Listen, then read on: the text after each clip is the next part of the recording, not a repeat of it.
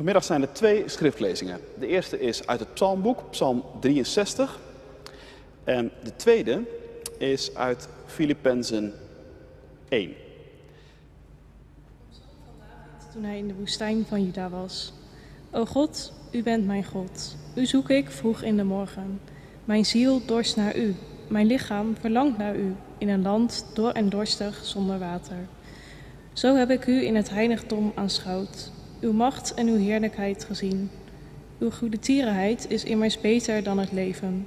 Daarom zullen mijn lippen u prijzen. Zo zal ik u loven in mijn leven. In uw naam zal ik mijn handen opheffen.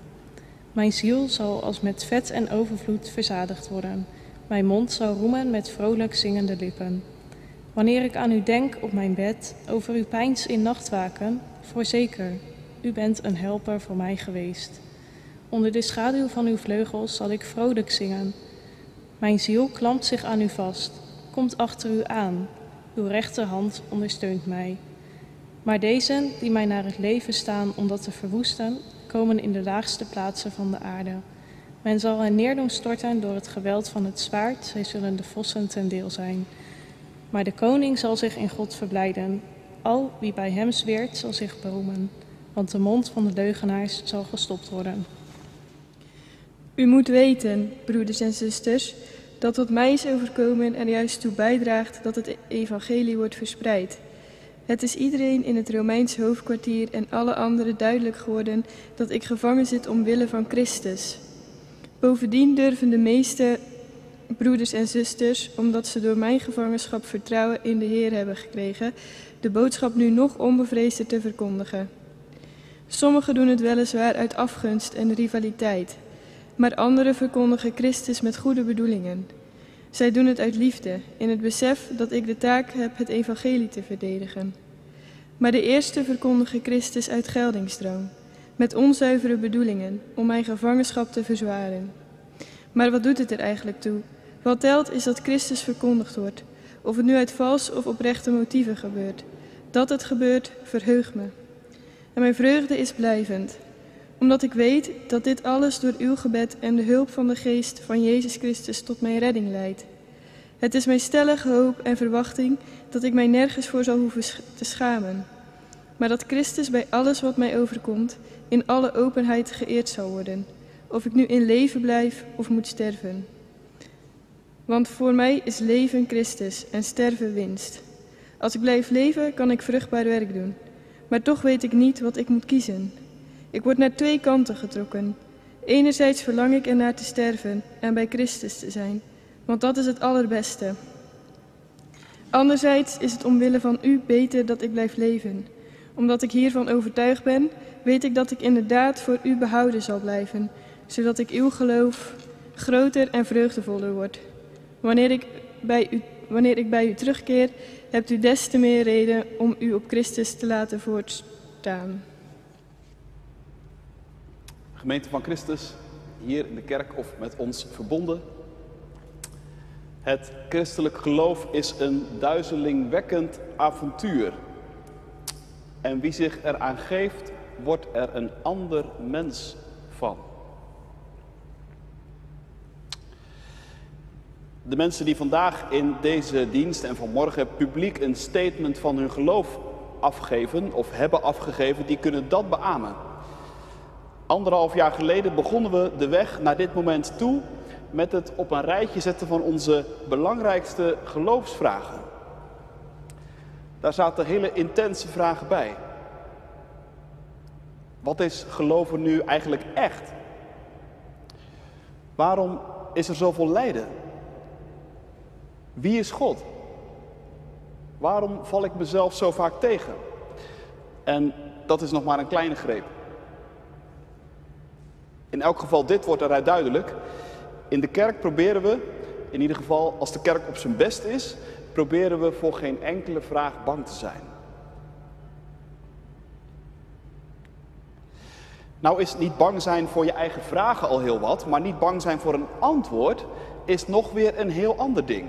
En ook dat hebben jullie ervaren.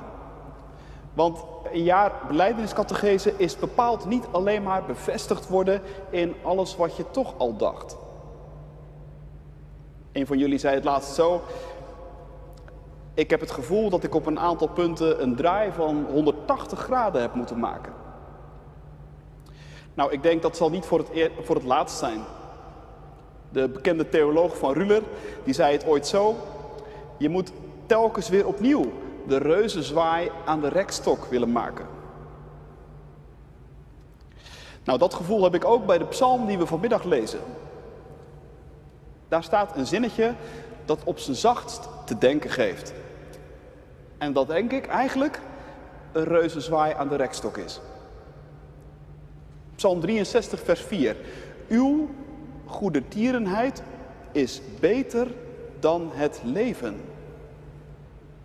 Of in een andere vertaling, beter dan het leven is uw vriendschap. Dat is een zinnetje dat wanneer je het op je in laat werken onder je huid kruipt. En als het je eenmaal te pakken heeft, laat het je niet meer los. Het is een zinnetje waarin twee werelden op elkaar lijken te botsen.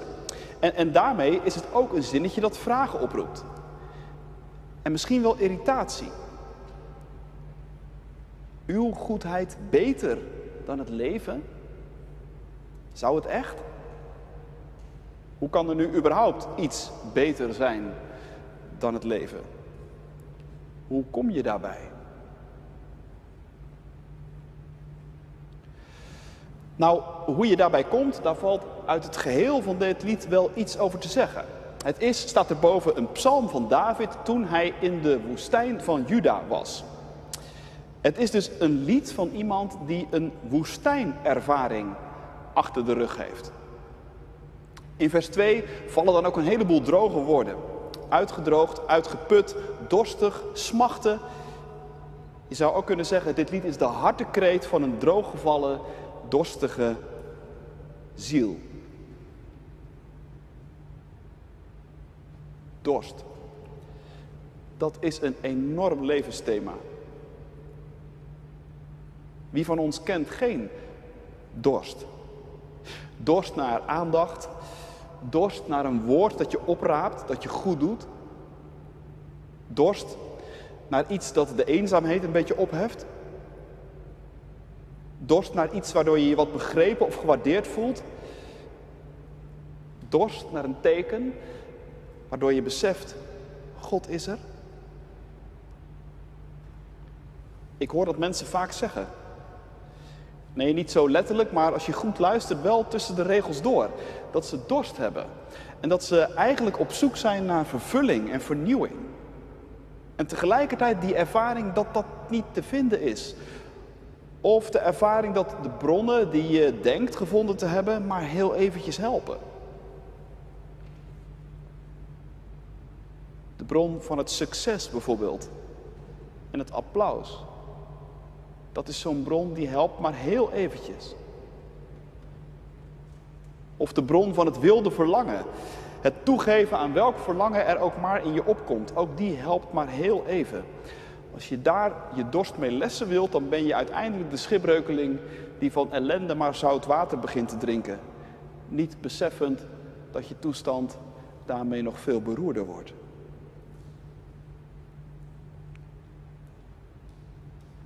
In het Johannesevangelie staat over dit thema ook nog een prachtig verhaal. Ik bedoel de ontmoeting tussen Jezus en de vrouw uit de stad Samaria. Misschien ken je het. Die ontmoeting begint met een gesprek over dorst en water. Maar dan opeens stelt Jezus een abrupte vraag. Ga je man eens halen? En als lezer denk je wat verwarrend. Waarom verandert Jezus nou ineens het onderwerp? Waarom moet in een fijn gesprek tussen twee mensen ineens dat kapotte liefdesleven weer worden opgerakeld? Maar Jezus verandert het onderwerp helemaal niet. Met deze vraag komt hij juist bij het hart van de dorst. Hij komt bij de manier waarop deze vrouw tot nu toe telkens had geprobeerd om haar dorst te lessen. Namelijk door maar van de ene relatie in de andere te rollen. Zonder dat daarbij het verlangen van haar hart gestild werd.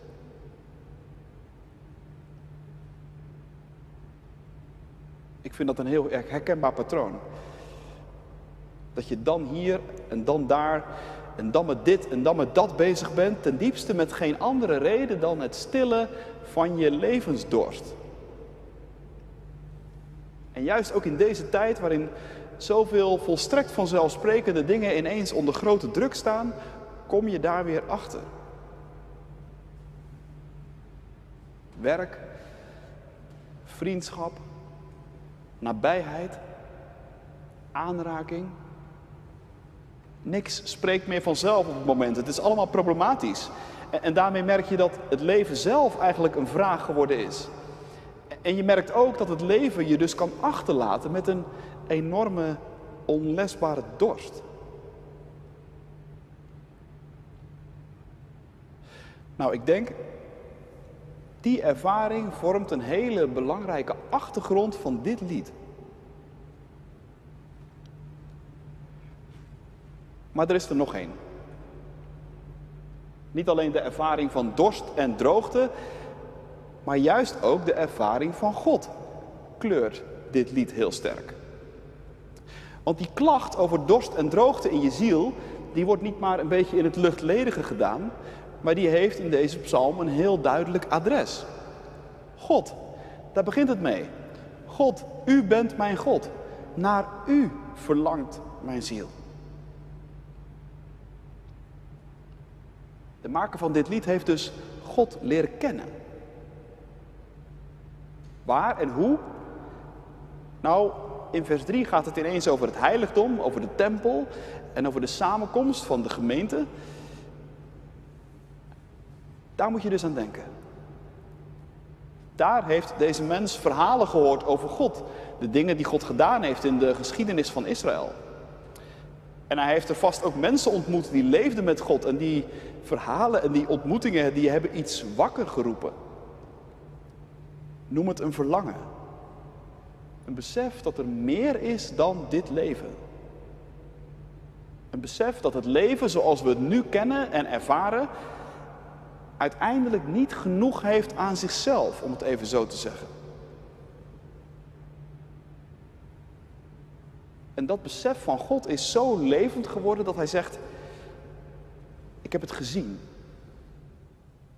Uw kracht, uw glorie, ze staan me gewoon heel levendig voor ogen.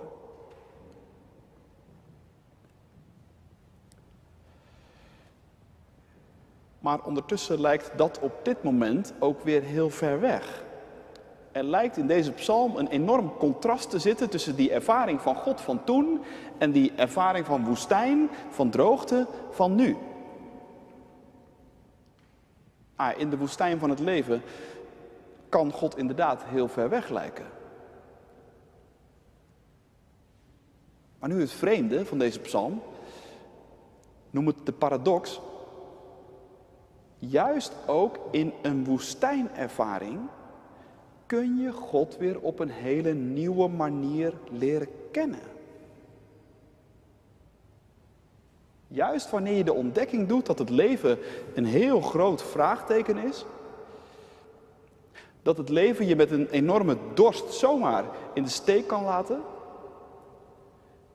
dat je zomaar ineens ook helemaal op jezelf teruggeworpen kunt worden, dat je ziel een woestijn is geworden. Juist die ervaring opent zicht op God. En dan kun je zomaar tot de conclusie komen die deze dichter ook trekt. Het leven aan zich is niet alles. Uw goedheid, uw vriendschap, uw goede tierenheid, om dat oude mooie woord nog maar een keer te gebruiken, is beter dan het leven.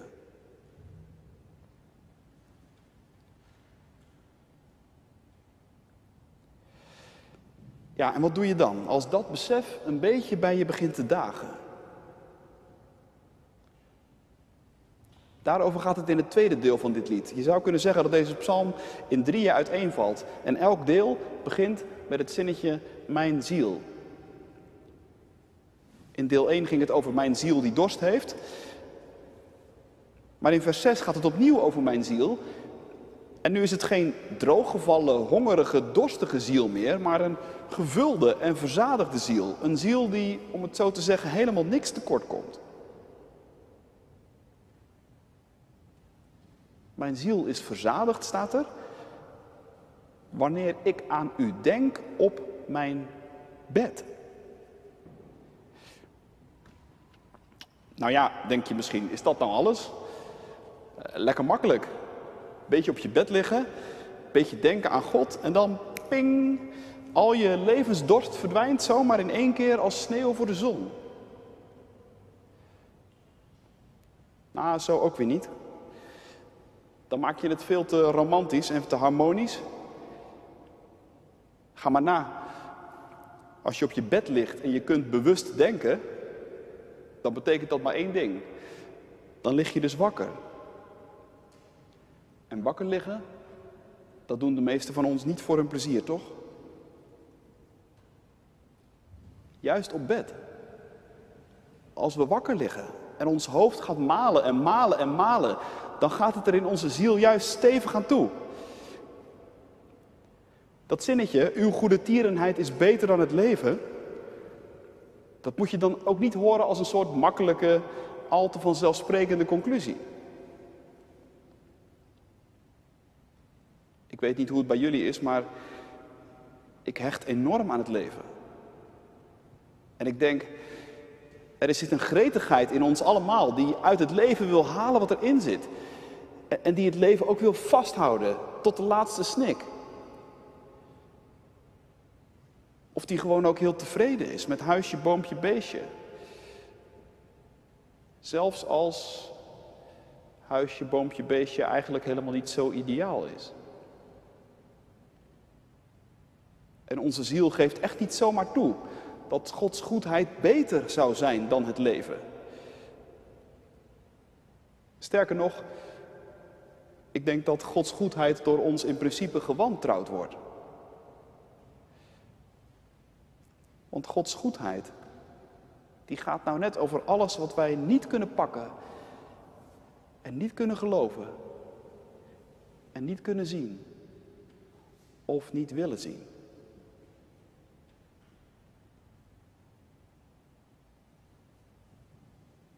En toch. Dat God het daar vervolgens niet bij laat zitten, dat is misschien wel het belangrijkste kenmerk van zijn goedheid en van zijn vriendschap. Want zijn goede tierenheid, dat is precies de trouw en de vriendschap van God door alle tijden heen. Het is zijn trouw aan Israël in het Oude Testament. Het is zijn liefde die hij laat zien in Jezus. Het is zijn stem die op je afkomt en die je roept.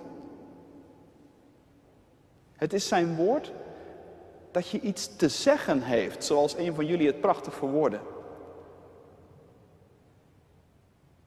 En juist omdat God ons iets te zeggen heeft, gaat Hij het gevecht met ons aan. Trekt Hij aan ons. En wat gaan wij dan doen? Terugtrekken natuurlijk. En moet God nog harder trekken? En zegt Hij tegen ons, het leven is goed, maar één ding, mijn goedheid mijn vriendschap is beter. En zonder mijn vriendschap laat het leven je vroeg of laat een keer in de steek. En blijft je ziel achter met een onlesbare dorst. Ik heb meer voor je klaar liggen, zegt God. Maar laat dan wel die ijzeren greep op het leven los. Dan pas zul je mijn goedheid proeven zoals je hem nog nooit geproefd hebt.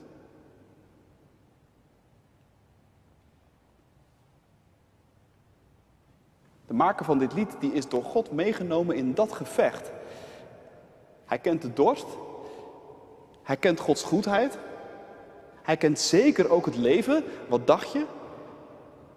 Maar hij weet ook wat er gebeurt als je die ijzeren greep op het leven loslaat. Als je tijdens het wakker liggen niet nog harder gaat malen en denken over alles wat het leven zwaar en ingewikkeld maakt, maar juist je gedachten richt op God. En daarmee in feite capituleert. Toegeeft aan de gedachte dat Gods goede tierenheid beter is dan het leven. En dan merk je ook dat je onrustige, hongerige, dorstige ziel tot rust komt. Verzadigd raakt met de woorden van de psalm. En best kans dat er dan ook diep van binnen iets in je gaat zingen. In de schaduw van uw vleugels mag ik juichen, zegt deze psalm.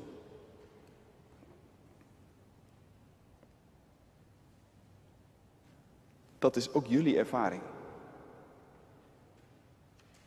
In de brieven die jullie allemaal schreven ter voorbereiding op deze dienst, hebben jullie dat ieder op je eigen manier proberen te verwoorden. Iemand schreef, vroeger was mijn geloof erg gebaseerd op redeneringen. Maar, maar nu oefen ik me in een geloof van volgen in plaats van lijden. Verwonderen in plaats van verklaren. En leren leven in afhankelijkheid van Gods plan met mij en met deze wereld.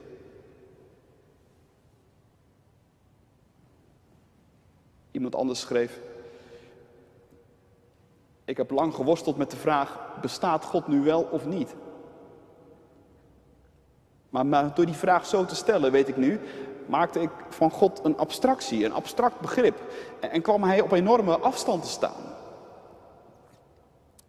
niet dat ik God nu wel kan bewijzen, maar ik heb wel ontdekt dat het zo niet werkt. Dat het andersom is, dat God naar mij toekomt. En misschien is dat geen bewijs in de strikte wiskundige zin van het woord. Maar het geeft me een hoop, waardoor ik het leven aandurf.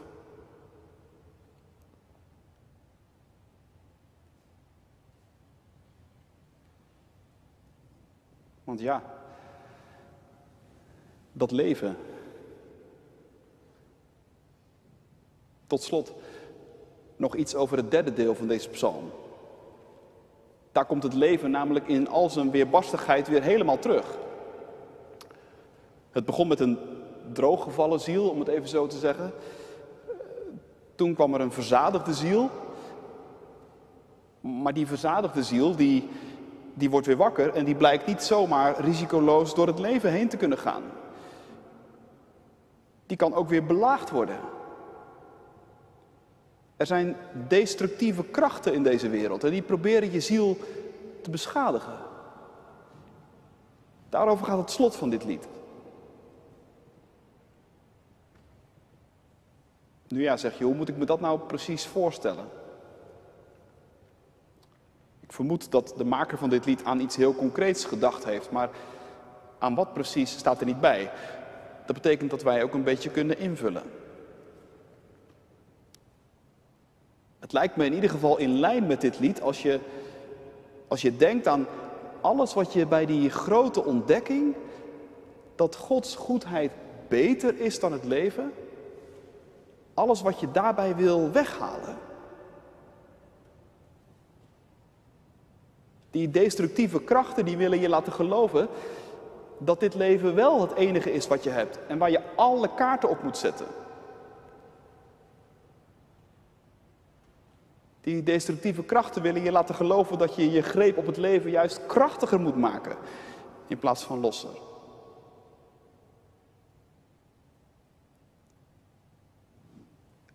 En ik denk eerlijk gezegd dat de tijd die wij nu meemaken op dat punt ook juist iets heel, iets heel slopends in zich heeft.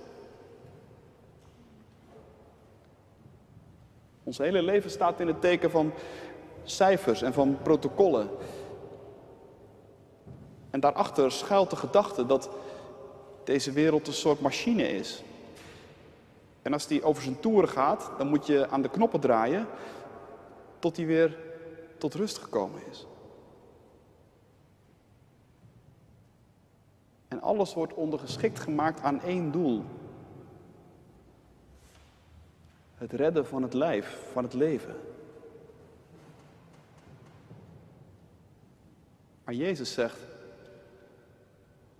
Als je op die manier je leven behouden wilt, dan zul je het juist verliezen. En wie niet meer gelooft dat Gods goedheid beter is dan het leven, die glipt het uiteindelijk allebei door de vingers.